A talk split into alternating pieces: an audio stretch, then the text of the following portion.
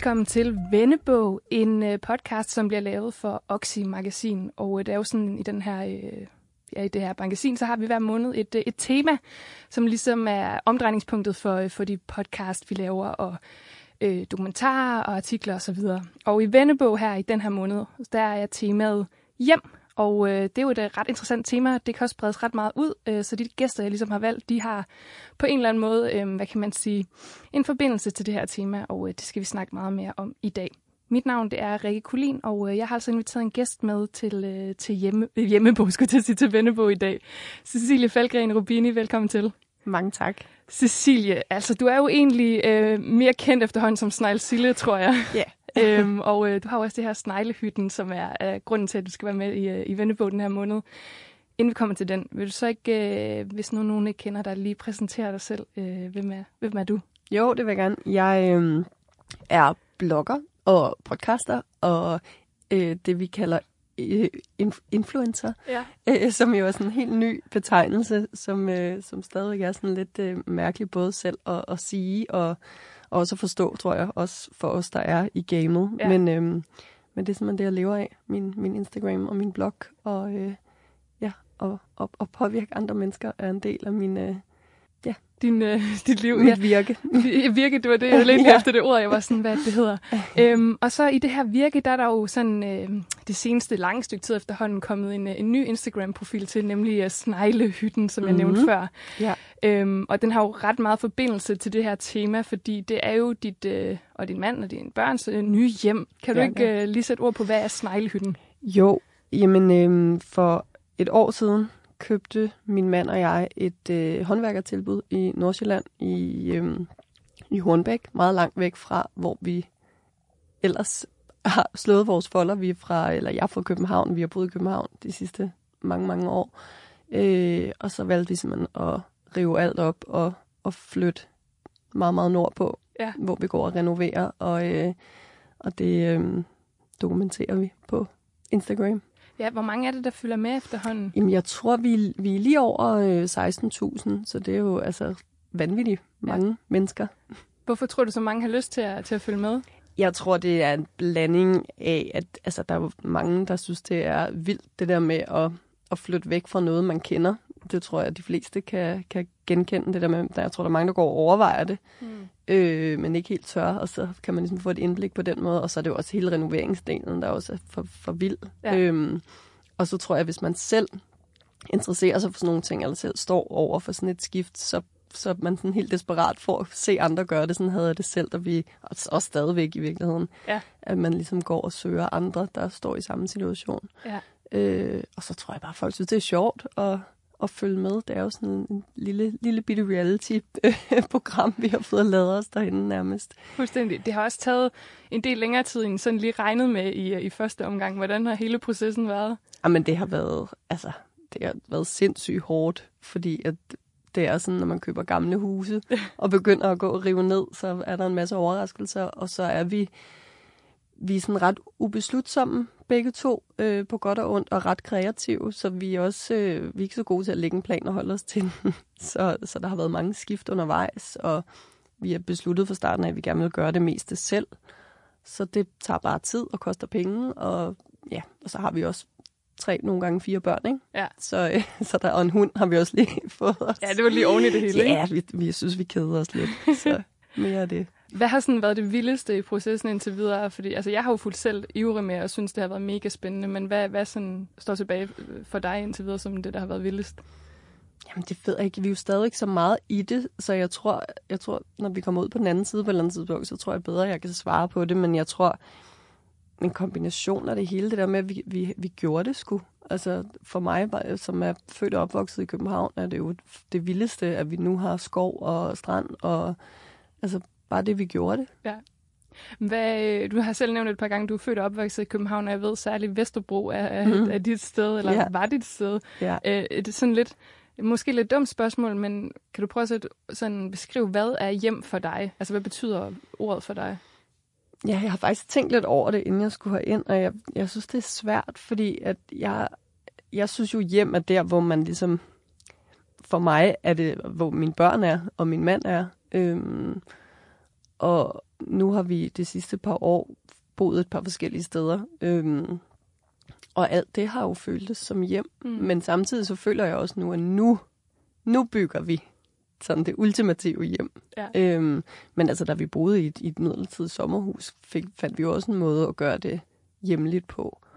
Og som barn har jeg også altid flyttet meget og sådan noget, men det var som om, at hvis min, min mor var der, så var det ligesom hjem. Jamen, altså savner du København nu? Fordi jeg ved jo, du arbejder tit herinde, og du, jeg ser tit på Instagram, at du sidder i tog. Du er jo blevet pendler nu, kan man Ja, godt jeg tillade er sig så- at sige. Ja, men det har jeg faktisk fået at vide, at jeg ikke må kalde mig, Nå, fordi jeg ikke er inde hver dag. Det, der, øh, der har jeg fået skæld ud for på, på Instagram, så jeg er ikke pendler. øh, men men jeg, jeg, jeg tager frem og tilbage. Jeg savner København rigtig meget. Øhm, men ikke på sådan en måde, at jeg tænker, at vi ikke skulle være flyttet, fordi at det har givet os uendelige muligheder og, og gode ting.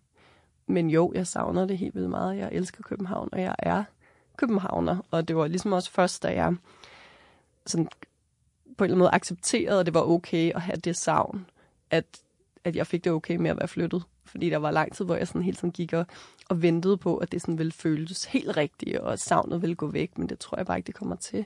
nej. Øhm, og omvendt har jeg heller ikke lyst til at flytte tilbage. Så lige pludselig stod jeg sådan med et ben i hver lejr og følte mig sådan lidt, som sådan lidt forkælet barn, der gerne vil have det hele. Ja. Og det kan jeg bare ikke få. Men, men det er et ret godt kompromis, jeg har fået. Men, men det er måske sådan et lige til spørgsmål på en eller anden måde, der er et retorisk spørgsmål. Men hvad er det så, Hornbæk har, som, som ikke er i København? Ja, der er mange ting, Hornbæk har.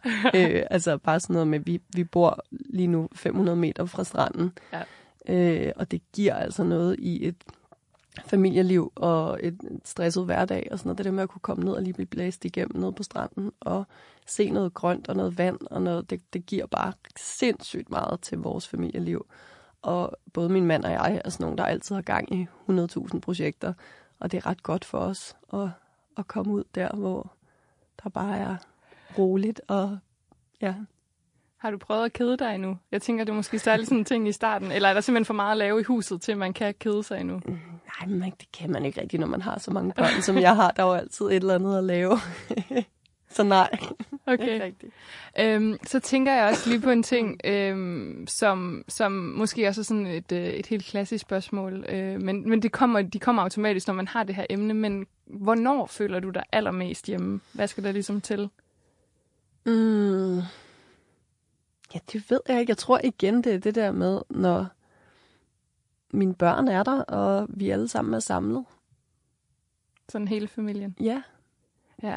Jamen, jamen, jeg tænkte nemlig på, at du sagde det tidligere, fordi, og det lyder også som sådan en rigtig filmting, men det er i virkeligheden sådan, hvis man skulle sådan kode det ned til en sætning, det er sådan, hjem er, hvor familien er i virkeligheden, mm, tænker Jamen, sådan er det i hvert fald blevet. Ja.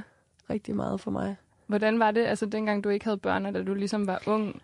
Jeg har altid boet i en kuffert lidt, og har rejst meget, og jeg ved ikke, jeg har ikke jeg tror, hjem har altid igen været lidt der, hvor min mor var, så måske har jeg haft den der følelse af, altså det er en familieting, og også, også mine venner, det kan også være sådan hjemligt for mig, men, men omvendt så er det ikke, fordi at jeg, jeg ikke trives ved at være på et hotelværelse, eller bo på nogen sofa, eller sådan noget, men, men den der sådan hjemmekerne, det, det har jeg altid sat meget på, på mennesker, Ja. kan jeg mærke. Men tror du netop, som du nævnte nu her, at øh, du har jo ja, boet i en kuffert, og du har boet i forskellige andre lande og byer og så videre, at du så ligesom på et eller andet tidspunkt, sådan, uden at have tænkt over det, har tænkt, når jeg bliver rigtig voksen, så skal jeg have et fast hjem, og det skal være et hus, altså på den måde. Jeg har aldrig nogensinde tænkt, at jeg skulle bo i et hus. Nej. Så, så, så meget kan jeg sige. Jeg har, det har, altså, hjem for mig har altid været en lejlighed.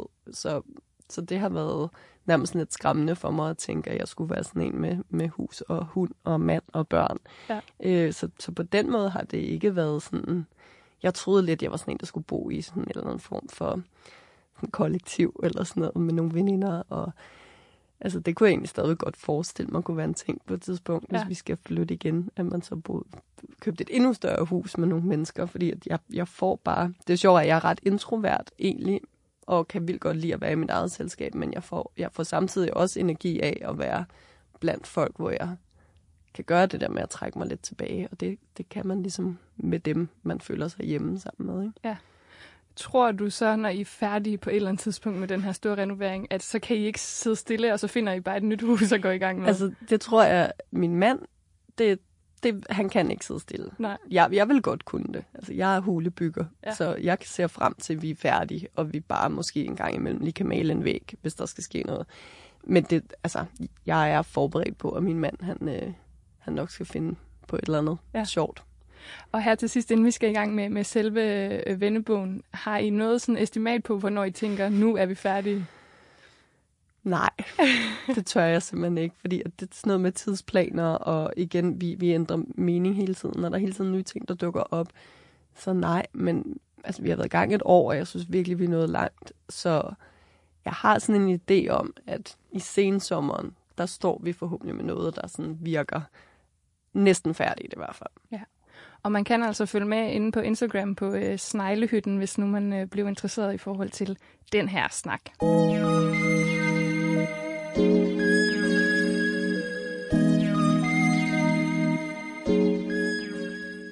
Cecilie, vi, øh, vi skal til selve vennebogen, det er derfor, du også er her i dag. Mm-hmm. Øhm, og det er altså den her, det er jo egentlig sådan et portrætprogram, det her, som vi så har pakket ind i den her øh, øh, hyggelige måde at gøre det på. Har du nogensinde skrevet i nogens vennebøger? Fordi du er jo lige lidt ældre end mig, og mm. altså, jeg er jo 90'er barn. Ja.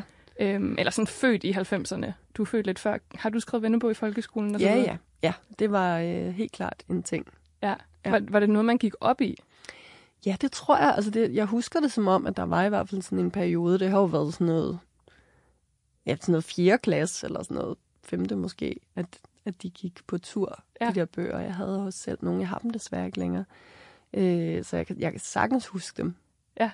Men jeg, jeg glæder mig rigtig meget til det. Det er sådan, vi har øh, fire segmenter, vi skal igennem. To lynrunder, og så to lidt mere uddybende øh, runder. Og den første, øh, vi springer ud det er... Øh, dem har jeg simpelthen hapset direkte fra både ja, Dittel vennebøger og andre vennebøger, jeg har fundet. Så dem, øh, dem har du ikke fået på forhånd, de her spørgsmål. Øh, så det er simpelthen intuitivt, øh, hvad du har lyst til at svare. Mm-hmm. Øh, men øh, første spørgsmål, det er, hvad er din livret? Og det er så svært. Jeg er sådan en craving-person, så det, det skifter hele tiden. Øh, jeg kan vildt godt lide tarteletter. Ja, men vi holder os til tarteletter, så Ja. det er godt. Øh, næste spørgsmål er nok lidt nemmere at svare på. Hvad er dit stjernetegn? Krebs. Ja, går du op i den slags? Mm, nej, ikke rigtigt, men, men jeg er sådan en, der bliver overrasket, når jeg så læser de der horoskoper. Sådan et, wow, når kan det passe? men, men nej, jeg kan slet ikke. Og det er altid sådan, at du elsker dit arbejde og din familie. Ja, det er Ja, mig. det er rigtigt. Okay, tredje spørgsmål her i den første lynrunde. Hvad er dit yndlingsdyr? Ej, kat. Kat. Hvordan kan det så være, at du valgte at anskaffe dig en hund? Min mand, Okay. ja, og mine børn. De, er de ikke glade for katte, eller var det Jo, jo, jo, det er de, men de er bare... øh, hu- Hund har altid været sådan det, de gerne ville. Og så havde vi en kat på et tidspunkt, da vi boede i lejlighed. Og så skulle min mor ligesom låne den i en periode, fordi at vi, jeg, jeg skulle føde, og vi skulle flytte, og der var en masse ting, og vi havde sådan en mistanke om, at min søn måske var en lille smule allergisk over for den der kat. Det var han så heldigvis ikke. Men øh, så havde min mor ligesom haft den der kat lidt længe, og var blevet lidt glad for den, og så var det også lidt mærkeligt at være lidt, Nå, nu skal han, vi også have ham hjem igen. Ja. Og så øh, fik hun lov til at beholde ham. Øhm, og så, da vi flyttede, ville jeg egentlig gerne have en kat igen, men min mand var sådan lidt træt af katte. Ja. Jeg synes, de er åndssvage. Okay. Og det, jeg tror, det er sådan, enten er man til det eller ej, og så mødte vi den her fantastiske hund, Ja. og så var jeg sådan, okay, det er jo ikke, fordi jeg ikke kan lide hunden. Nej. Jeg er bare kattedame. Ja, ja, men jeg er også på dit hold, det må jeg simpelthen sige. Det fjerde spørgsmål i lynrunden. Hvad er din yndlingsfarve? Alle farver. ja. det er også sådan et rigtigt vennebogsvar. ja, men det er det virkelig. Ja, alle, alle farver lige for tiden. Mm. Okay. Det er godt. Det er også meget forudsagtigt på en eller anden måde. Ja, det, jo for... øh, det sidste spørgsmål i den første runde, og det er virkelig en klassiker for Dittel vennebogen, det her. Hvad synes du er sejt? Hvad synes jeg er sejt? Øhm, jeg synes... Der er mange ting, der er seje, Rikke. Du må gerne til at sige flere ting. Du kan også bare lave sådan ja. en Ja. liste, hvor du ramser op. Hvad er sejt? Jeg synes, at øhm, selvtillid, det er sejt. Det er godt. Det er et godt svar.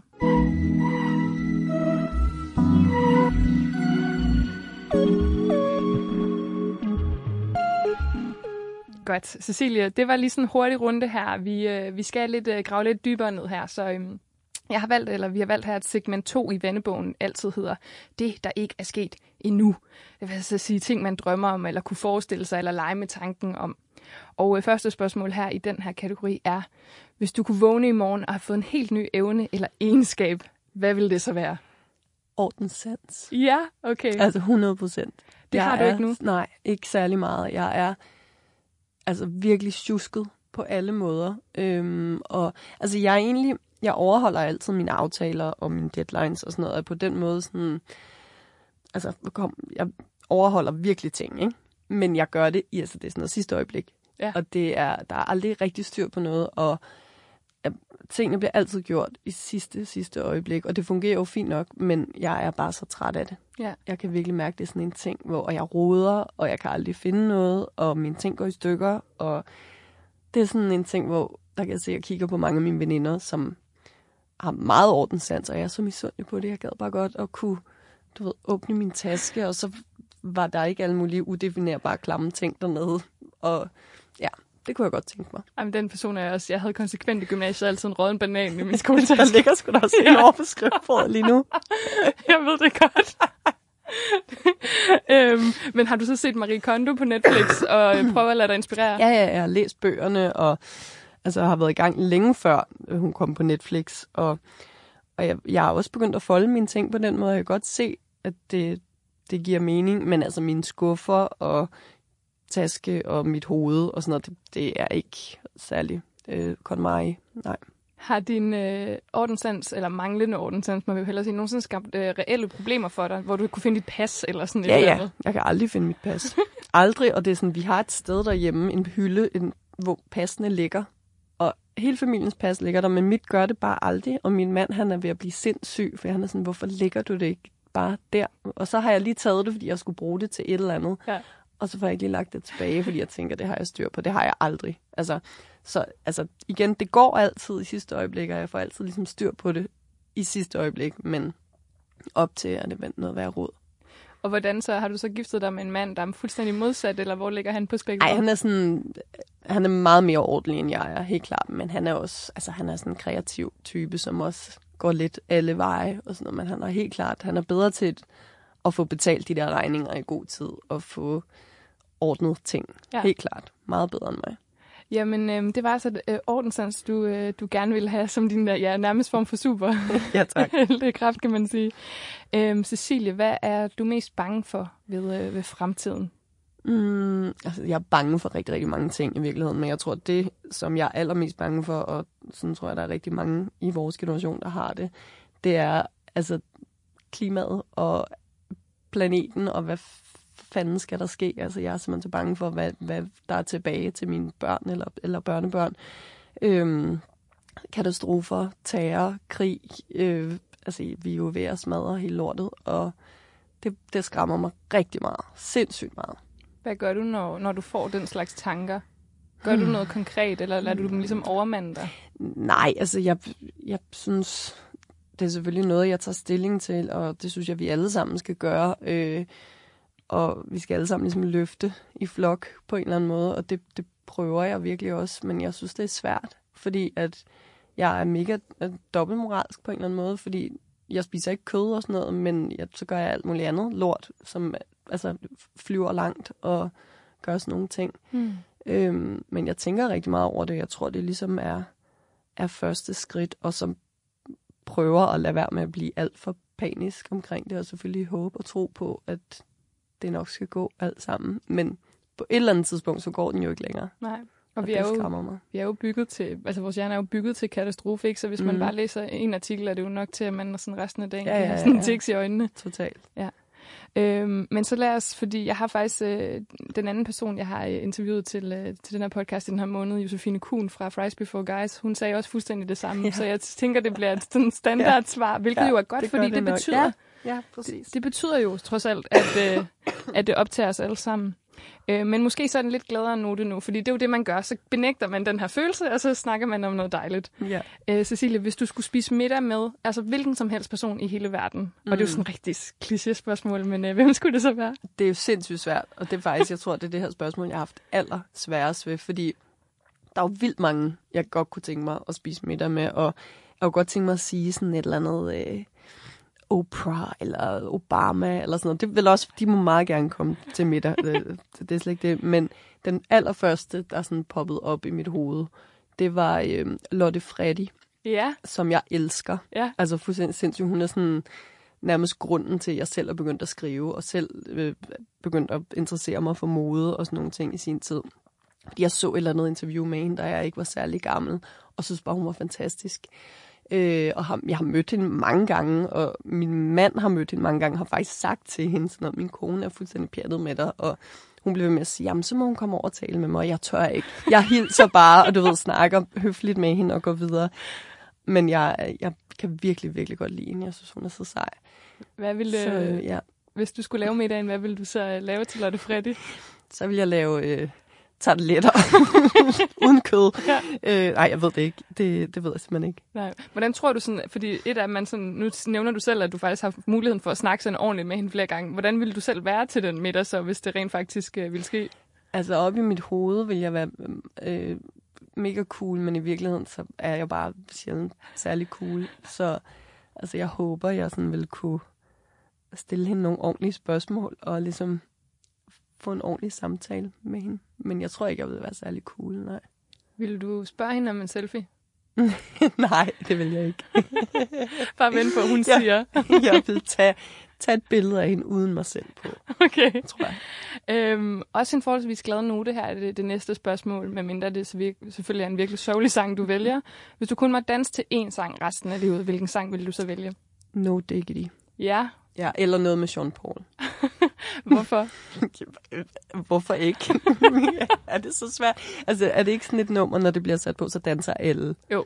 Altså, det er det. Og det, det er fandme lige meget, om du er født i 70'erne, 80'erne, 90'erne, 0'erne. Altså, alle kan lide No Diggity. Og Men er det sådan en sang, du selv har på din playlist? ja, ja, alle mine playlister. Okay, Ja. uanset om Oh, det er yes. sådan en afslappning eller Yep. søndagsliste. Ja. Og jeg havde den, det er sådan et nummer, jeg sætter på, hvis jeg lige sådan skal have lidt ekstra i min walk, når Ja. jeg går og sådan noget. Ja, Sissy That Walk. ja.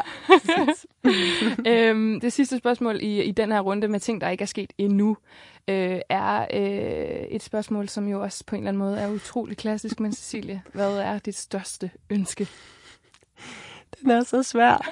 Den er simpelthen så svær. Jeg synes, fordi det gik op for mig, det er ikke fordi, jeg har så mange ønsker. Og det er sådan, jeg kunne ikke rigtig finde ud af, om det var dejligt at have det sådan, at jeg faktisk føler, jeg er et sted, hvor at det hele er sådan lidt lækkert. Øhm, eller om det er lidt sørgeligt at have det sådan. Men jeg tror, mit aller, aller største ønske, det er ligesom bare at få etableret mig selv, både sådan rent øh, arbejdsmæssigt og øh, familiemæssigt, og bare sådan lige få sådan lidt ro på. Jeg synes virkelig, der har været knald på de sidste mange år, og vi er flyttet meget, og der er sket mange ting i vores liv. Og nu glæder jeg mig bare til sådan at gå sådan lidt lever på steg på den, og måske bare ja, få lidt styr på det hele igen, og få lidt ro på, på, på tropperne. Men sådan rent realistisk, hvornår tror du så, der kommer ro på det kommer der jo ikke. det tror jeg ikke, der gør. Det, og jeg tror også, det er derfor, jeg, jeg kan sige, det er et ønske. Altså, fordi det vil bare være godt for os, tror jeg. Hmm. Lige at skrue lidt ned.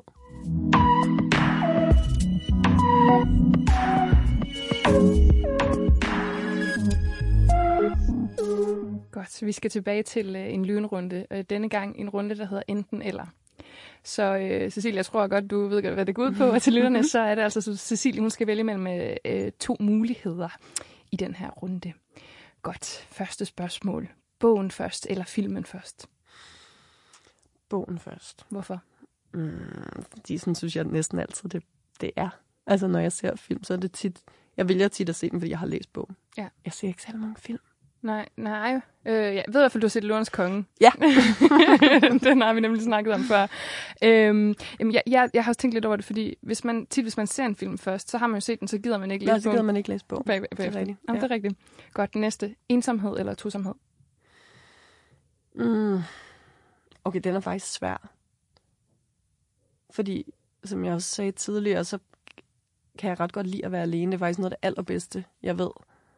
Øhm, men hvis jeg skal vælge, så, så tosomhed. Ja, fordi du nævnte det selv. Jeg synes nemlig ja. Også, altså ved, ved umiddelbart sådan første øjekast kan man godt tænke, ah, tosomhed selvfølgelig. Men ja, hvis ja. man er lidt introvert selv, ja. Så er det jo netop ret at være alene. Ja, præcis. Men du går med tosomheden. Ja, fordi at det, jeg synes ligesom, jeg har fundet en. Så, og, og jeg synes også, de, de mennesker, jeg, jeg, jeg omgiver mig med, dem kan jeg godt gøre det der med, hvor jeg lige siger, hey, jeg sætter mig lige her. Eller, og dem, der kender mig, ved også godt, hey, hun er ikke sur, eller hun, er ikke, hun skal bare lige give hende lige fem minutter. Eller tre timer. Men jeg ved faktisk også, er det ikke også noget, der har fyldt sådan lidt i dit liv, eller meget i dit liv, det der med, at folk opfattede dig som sur, fordi mm. Man måske er stille og genert og Jo, sådan jo, jo, jo. introvert? Jo. Hvordan er det blevet bedre? Er du blevet bedre til at takle det, eller sige noget til folk, eller hvordan gør du? Jeg tror bare ikke, jeg går lige så meget op i det. Altså, det, der er helt sikkert stadig nogen, der synes, at jeg kan virke arrogant, eller kedelig, eller stille, eller sådan noget, men det, det, det må de godt. Altså, hvor da jeg var yngre, da jeg var i 20'erne, der tænkte jeg meget over, hvordan folk så mig og opfattede mig. Det gør jeg stadigvæk, det er ikke det, men det, er Det på gør en, vi det, alle sammen. det gør vi alle sammen, men det er bare på en helt anden måde. Altså, det er ikke noget, jeg sådan kan ligge og, og, og være vågen over, hvor det kunne jeg sagtens for 10 år siden.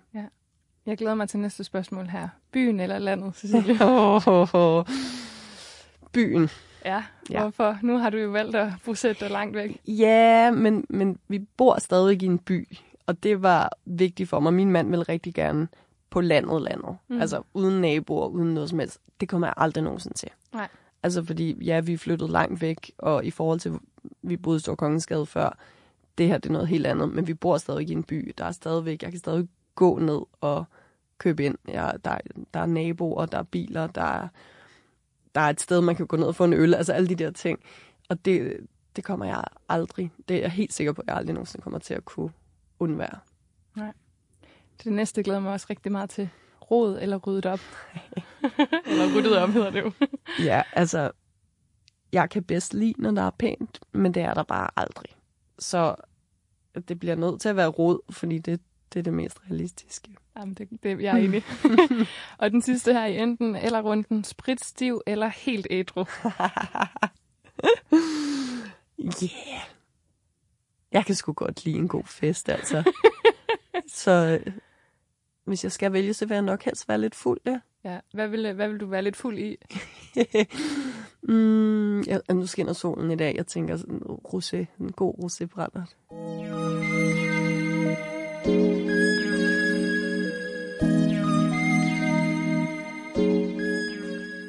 Vi er kommet til det sidste segment her i Vennebog, og øh, det segment, det hedder Det, der er sket. Så det er lidt en modsætning til, hvad vi sådan tidligere har været i, øh, igennem. Og øh, ja, første spørgsmål i den her runde. Hvornår græd du sidst, og øh, hvorfor? Øh, jamen, jeg græd i går aftes. Ja. Sådan helt ustyrligt, og det var noget så åndssvagt. Jeg har, jeg, man kan sikkert også høre det på mig nu. Jeg har simpelthen en bihulbetændelse af dimensioner, og jeg har været syg i nu to uger, eller sådan noget. Først influenza, og så bliver jeg forkølet, og nu har jeg fået den her bihulbetændelse, som simpelthen, det gør så ondt. Jeg kan ikke, jeg kan ikke sammenligne det med andet, end at det bare føles som om, at ens det er sådan knogler i ansigtet er ved at smuldre. Altså, det, det gør, der, der er så meget pres på. Og i går aftes fik jeg bare nok, altså fordi jeg havde taget så meget smertestillende, og jeg havde, jeg er på penicillin, og der er bare ikke en skid, der virker. Så der havde jeg bare sådan, sådan helt udmattet, opgivende græde session i mørket, ja. hvor jeg bare lå og, og græd. Og det er ikke særlig rart at græde, når man er så snottet og, og har, øh, har biolbetændelse, så det, det var ligesom, det var en dårlig idé, men da det var overstået, var det sgu egentlig også meget rart. Jeg skulle til at spørge, sådan, gav det nogen- katarsis, eller Ja, sådan, lidt. hjalp det? Lidt gjorde det faktisk. Hvor var det... Øhm, man, kan, man kan også godt høre på det her ved at sige, Cecilie hoster lidt her der. Øh, Det klipper vi ikke ud. Øh, men, men du sagde, det gjorde ondt at græde, altså sådan fysisk. Kan tårne så godt komme ud? For der er nogle gange, det kan gøre så ondt at græde, men ja, faktisk jamen, ikke... det, nå, men det gik fint. Okay, Det gik så fint, men det var bare, det var, det var ikke behageligt, men, øh, men det skulle til. Jeg havde simpelthen, jeg havde bare fået, jeg havde bare fået nok af 14 dages sygdom, og det der med hele tiden øh, at aflyse ting og udsætte ting, og bare ikke at kunne være sig selv 100 procent, det er, det er simpelthen for irriterende. det lyder jo også som sådan en stress, man ikke selv har budt velkommen på en eller anden måde. Mm, kan du, er du sådan en, der godt kan græde over stress, hvis man har for meget mellem hænderne? Ja, ikke så meget, mens jeg er i det, men hvis jeg sådan er på vej ud af det, så, øh, så er det som om, så, så kan jeg ikke længere. så er der på et eller andet tidspunkt, hvor man bare sådan, Ja, ja bryder ned. præcis. Øhm, så går vi den fuldstændig modsatte grøft nu til gengæld, fordi øh, hvad er det største grineflip, du nogensinde har haft, du kan komme i tanke om? Jeg kan simpelthen ikke komme i tanke om det. Er det ikke åndssvagt? Fordi jeg kan godt huske, jeg kan jo sagtens huske, at der har været sådan, jeg kan se det for mig, hvor det har været, og med hvem, og sådan, men jeg kan overhovedet ikke huske, hvad det har været over. Øhm, så jeg har nærmest ikke noget svar, for jeg kan ikke komme i tanke om det. Hvad kan få dig til at grine rigtig meget, så til gengæld? Hvad synes du er sjovt? Det er meget, meget forskelligt. Øhm, igen, det er verdens største kliché, men mine børn. Fordi jeg synes bare, de er så åndssvage, altså på, på sådan en nice måde, ikke? Ja. Altså, min, jeg har en datter, der bliver fire snart, og hun er bare i sådan en periode, hvor alt, alt hvad hun siger er sjovt. Alt, hvad hun siger er sødt, nuttet, grineren. Alt. Så jeg, jeg griner rigtig, rigtig meget. Det gør jeg. Nu er jeg jo ikke, jeg har jo ikke selv nogen børn Nej. øh, endnu. Hvad, hvad er, fordi jeg, jeg kan godt følge det der, tror jeg alligevel. Altså, hvad er det sådan, børn kan finde på at sige? Fordi, ja, Jamen, det er jo bare, især den der sådan 3-4 års alder, det er jo sådan en blanding af, at de har jo et helt rigtigt sprog, men det lyder bare så nuttet, når de taler, fordi de er stadig de der små mennesker, og de tænker meget over tingene, og altså, jeg vil ønske, at jeg havde et guldkorn lige nu, fordi øh, altså, hun siger virkelig nogle vilde ting. øh, både ting, der slet ikke giver mening, og ting, der egentlig giver mening, ikke? men bare er så vanvittigt grineren. ja. Øhm, så jeg ikke engang komme med et godt eksempel. Det er dårligt, det er dårlig radio. Nej, nej, men det, nej, for jeg sidder bare med at tænke, at det lyder som sådan en rigtig klassisk øh, børnelogik. Altså det der med, når Ja. de fortæller ting om et eller andet, hvor man er sådan, Jamen, det er det. det, er faktisk, det giver faktisk meget Ja. god mening, men det er også dumt. Ja. Men hvem er så det menneske, der kan få dig altså mest til at grine i hele verden? Mm. Ja, hvem er det? Ja, det er flere af mine veninder, nærmest alle mine veninder, er skide sjove. Meget sjovere, end- jeg nogensinde bliver. Det er så ærgerligt at komme frem til den erkendelse. ja, lige præcis. Bare sådan, okay, jeg, jeg er 100% ikke den sjove i min omgangskreds. Øhm, ja. Men jeg vil så sige, for du nævnte før, øhm, at du måske ikke har noget konkret eksempel. På din Instagram kan man tit se, at din datter har nogle guldkorn, så der kan Ja. man i hvert fald, hvis man vil få fremtiden rigtigt. vil se, så skal man ind og se hende der. Ja. Øhm, så skal vi videre til noget, som, øh, som jeg glæder mig til, nemlig øh, rejser og ferier. Hvilken rejse, fordi du har jo nemlig været på ret mange mm. øh, af alle mulige forskellige slags. Hvilken rejse, du har været på, har sådan været den vildeste, eller den, du husker bedst af, af det, du har været på? Ja, altså der er faktisk, der er faktisk to. Øh, og der, der er faktisk flere, men sådan, hvis jeg, nu vælger jeg to. Fordi den ene, det er sådan fra før jeg fik børn, og jeg var i, øhm, i Barcelona i, ja, hvornår fanden var det? 2006 må det have været. Øh, på sådan en tur, som bare ændrede rigtig mange ting for mig. Øh, fordi at jeg tog afsted, jeg skulle kun, planen var, at jeg skulle være der en måned, og endte så med at være der i en hel del længere, øh, syv måneder, tror jeg det var. Og besluttede mig faktisk for, at jeg skulle flytte til Barcelona, og det ligesom var der, mit liv skulle være. Øh, og der, hvor jeg skulle være hjemme. Øh. Men så mødte jeg min mand i Danmark på en, øh, en tur, hvor jeg, var på, hvor jeg var i København for at opsige min lejlighed, og, eller med det værelse, jeg boede på. Og så mødte jeg ham, og så var det som om, der ligesom skete et eller andet inde i mig, og lige pludselig så kunne jeg ikke se Barcelona som mit hjem længere. så jeg flyttede aldrig til Barcelona. Øhm, og, øh, og det har jeg aldrig fortrudt egentlig, men det var bare sådan en, hele den der periode gjorde noget ved mig. Ja. Øhm, og derudover så er det en tur til øh, Los Angeles i 16, må det have været, med øh, min mand og vores søn og vores datter, inden øh, jeg fik, vi fik barn nummer tre. Der var, hun var slet ikke på tegnebrættet. Øh, men det var bare den fedeste tur. Det var også helt vildt hård, fordi øh, Uma, vores mellemste der, hun, hun var syg de første fem dage, og der var jetlag og kaos, og var rigtig mange ikke fede situationer, men det var bare en helt vildt fed tur. Ja. Helt vildt fed. Nu, nu vil jeg sp- spørge jo lidt, øh, lidt frækt måske. Det var ikke i Los Angeles, at hun så kom på tegnebrættet nummer tre. Overhovedet ikke. Okay. nej, nej. Ej, det var først et år efter, man havde været. Øh, og øh, ja, nej. Nej. nej. Og hvorfor lige den tur? Fordi at, øh, det lød som om, den også har været rimelig hård, der har været kaos mm. og sådan noget. Hvad var det, der så gjorde, at den sådan, øh, har sat sig fast? Hmm, det, det er svært at sige. Det var bare... Jeg tror, det var sådan vores første tur afsted. øh, hvor det bare var os, og vi skulle ikke rigtig, det var ikke sådan en chartertur eller sådan noget. Vi boede hos nogle, nogle venner, der, der, der bor i Los Angeles, og kørte bare rundt, og vi, det var ikke sådan, at vi skulle ikke noget. Vi var der bare i, i to, næsten tre uger, og det, det var bare lige det, vi trængte til og havde brug for. Jeg synes tit, når man er ude at rejse, især som familie, så er det meget sådan noget, så bor vi på det her hotel, og så tager vi på de her ture, og så gør vi de her ting. Og det her, det var bare altså afslappning og nærmest en hverdag i et, i et andet land. Og det, det gjorde noget rigtig godt for os. Har I nogen øh, rejser på tegnebrættet, eller er der for meget sådan hus i det lige nu? Der er for meget hus i det, og øh, jeg tror bare, vi satser på at øh, få en virkelig fed sommer igen, ligesom sidste år. Og ja, der sker for mange ting, og nu har vi jo også tre børn, fire nogle gange, fordi min mand også har en, ikke? Øh, så det er bare, du ved, man skal lige pludselig lege den helt store bil. Og, altså, vi var afsted sidste sommer, alle seks, og det gik fint, men det, er bare, det var bare ikke afslappende. Nej. Så jeg vil faktisk næsten hellere bare være derhjemme og gå på stranden. Men så tænker jeg også bare lige, fordi du nævnte selvfølgelig Barcelona her til, til at starte med. Hvad var det, der skete? Fordi du sagde sådan, det har gjort nogle ting ved dig. Altså, mm. hvad var det, den tid ændrede?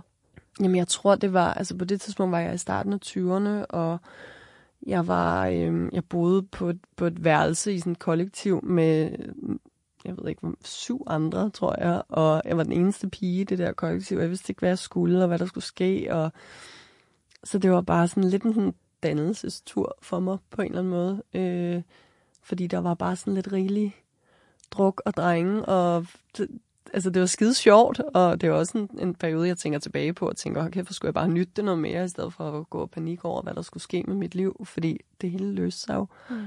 Men øh, ja, det var bare sådan en, nu skal der fandme ske noget, og så gjorde jeg det, og det var, det var også skide sjovt, og det var også druk og drenge i Barcelona, så det var ikke fordi, jeg sådan tog afsted, og så gik jeg på sprogskole, og så var jeg bare, altså det var lige så kaotisk, men det var bare det der med ligesom at gøre noget, i stedet for bare at sidde i den der lejlighed på Gamle Kongevej, og ikke helt vide, hvad der skulle ske. Og alle mine veninder, de var startet på alle mulige fede uddannelser, og havde fået kærester og sådan noget. Jeg var lige gået ud af et, et forhold, og vidste ikke, hvad der skulle ske, så det var bare i princippet, jeg kunne være taget til Hamburg eller til øh, Bornholm. Det havde sikkert været det samme. Mm. Men det var bare det der med ligesom at, at rive et halvt år ud af kalenderen og tage afsted og gøre noget. Mm.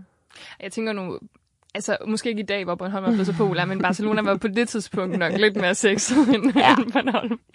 ja.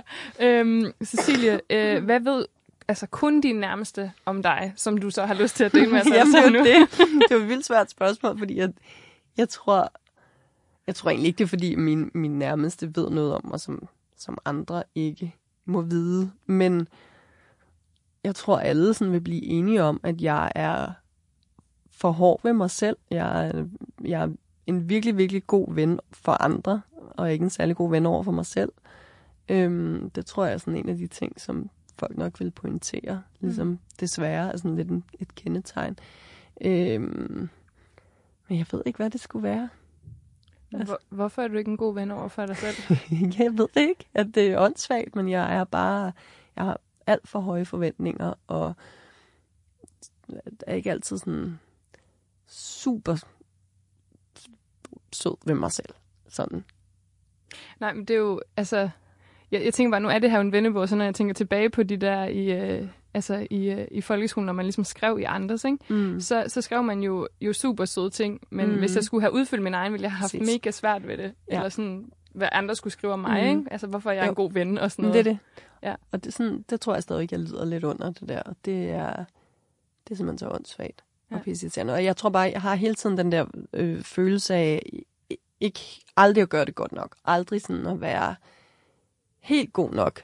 Og det er fuldstændig åndssvagt, fordi det, det ved jeg jo, altså min fornuft ved jo godt, at det er jeg, og i virkeligheden hviler jeg meget mere i mig selv, end jeg nogensinde har gjort, og kan godt se, at der er en masse af de ting, jeg gør, som er rigtige, men jeg har hele tiden sådan en forventning om, at jeg skal blive endnu bedre og være, lave noget andet og gøre noget. Altså, og det er sådan en konstant følelse af, som jeg bare ikke kan slippe af med. Mm. Og som især min mand og min sådan, tætteste veninder netop bruger den der, men det vil du aldrig. Du vil aldrig have så høje forventninger til dine venner, eller til dine børn, eller til nogen som helst mennesker. Der er jo ikke nogen, der kan leve op til det der. Øhm, så lad lige være med at gøre det over for dig selv. Men det er også bare nemmere sagt end gjort, fordi jeg Det tror, det. der er rigtig mange, der gør det, ikke? Det tror jeg også. Jeg tror, alle gør det i altså, forskellige grad selvfølgelig. Jeg tror bare nogle gange, jeg er sådan lidt ekstrem. Ja, og som du siger, ens fornuft kan jo godt forklare en, hallo, det Mm. her, men man, man, man opfører sig stadig fuldstændig modsat. Men jeg tænker Ja. også, altså du har jo, det har du jo også delt tidligere, du har jo også oplevet nogle ting sådan i dit liv, der måske på en eller anden måde er grunden til, at du 100 procent. Ja, ja. har det på den måde. Men, men man bliver vel heller aldrig helt færdig, altså er det Nej, det tænker jeg. på en eller anden måde. Nej, men det, jeg, tror, jeg tror det ikke. Altså, det er, jeg, jeg føler mig meget voksen på mange måder, men- men jeg kan stadigvæk godt gå og være sådan lidt... Så, når, så i 40'erne, i 40'erne, der nailer jeg den. Der, der kører det hele.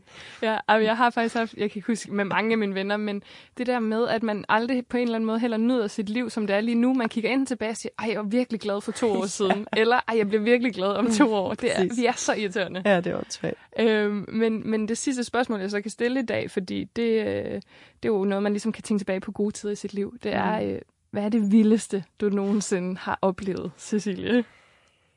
Jamen, altså, jeg bliver jo nødt til at sige det. Jeg, havde, jeg vil gerne finde på noget andet, men det er altså, at føde mine børn. Ja. Det er det bare. Det er det vildeste ever. Jeg ved godt, det er måske et underligt spørgsmål. Bliver man aldrig træt af det? at føde børn. Ja. altså, jeg gør ikke. Det er, øhm, det, det er så åndssvagt, fordi at jeg, jeg, jeg skal ikke have flere børn. Det skal jeg ikke. Men det er sådan en, lige præcis den der fødselssituation, det er jeg så ærgerlig over, at jeg ikke skal prøve igen. Hmm. Fordi jo, jo, det gør ondt, og der er rigtig mange ting ved det, som, som jeg er rigtig glad for, at jeg ikke skal igen. Men der er bare, ja, det, det kan ikke, men jeg kan ikke forklare det. det. Det er for sindssygt at få børn. Og det er, øh, ja, det, det er hårdt og svært og alt muligt andet, men, men det, man får ud af det, det er bare... Ja, hvis man kunne sælge det som stoffer, så, øh, så vil jeg gerne have rigtig meget af det, tak. lige, lige ind i armen. Amen, ja, ja, fordi jeg synes også lige meget, hvilket spørgsmål jeg sådan opfølgende spørgsmål, jeg stiller til det, så bliver det sådan nogle klichéer, fordi folk jo netop, altså man Præcis. kan ikke sætte ord på det på Nej, en eller anden måde. Det bliver nej. bare sådan, jamen jeg ændrede mig bare, da jeg fik børn. Præcis, eller og det er sådan. så åndssvagt. Og man, man bliver det der menneske, man, man, man troede, man ikke ville blive. Altså, Mm. fordi jeg var meget sådan lidt, "Ej, men jeg skal ikke være sådan en, der går og siger til folk, sådan, at det er meningen med livet og alle de her ting. Men det er det bare, okay? Åh, jamen, øh, vi må hellere slutte den der, og så sige, at øh, vi lukker ned for Vendbogen. Jeg håber, at, øh, at jer, der har lyttet med, I har lært Cecilie bedre at kende. Øh, men Cecilie, inden vi lukker helt, helt ned, så, øh, så skal du selvfølgelig lige have lov til at øh, plukke alle de ting, du går og har gang i. Altså, hvis man nu er blevet mere nysgerrig efter i dag på ja, sneglehytten og dig, hvor, øh, hvor kan man så finde dig hen? Jamen, altså, jeg har jo bloggen, øh, snegelsille.dk, som, hvor der ligger altså, ni, ni år, næsten 10 års øh, bagkatalog, øh, som jo bare er alt muligt, fra både det her med børn og min hverdag og så videre. Og så er der Instagram, øh, Sneglesille og Sneglehytten. Og så har jeg en øh, podcast, der hedder Voksen ABC, som står lidt stille lige nu, Mm. men øh, der kommer snart noget mere. Ja. Men der er altså en halvanden sæson, man kan gå i gang med. Ja, så hvis man ikke har lyttet endnu, så ligger der masser klar derinde. Det gør der. Jamen, øh, så vil jeg sige tak for, øh, for i dag, Sil. Det var rigtig hyggeligt, du ville være med. Og øh, vi ses jo på et eller andet tidspunkt i en anden podcast. 100 procent.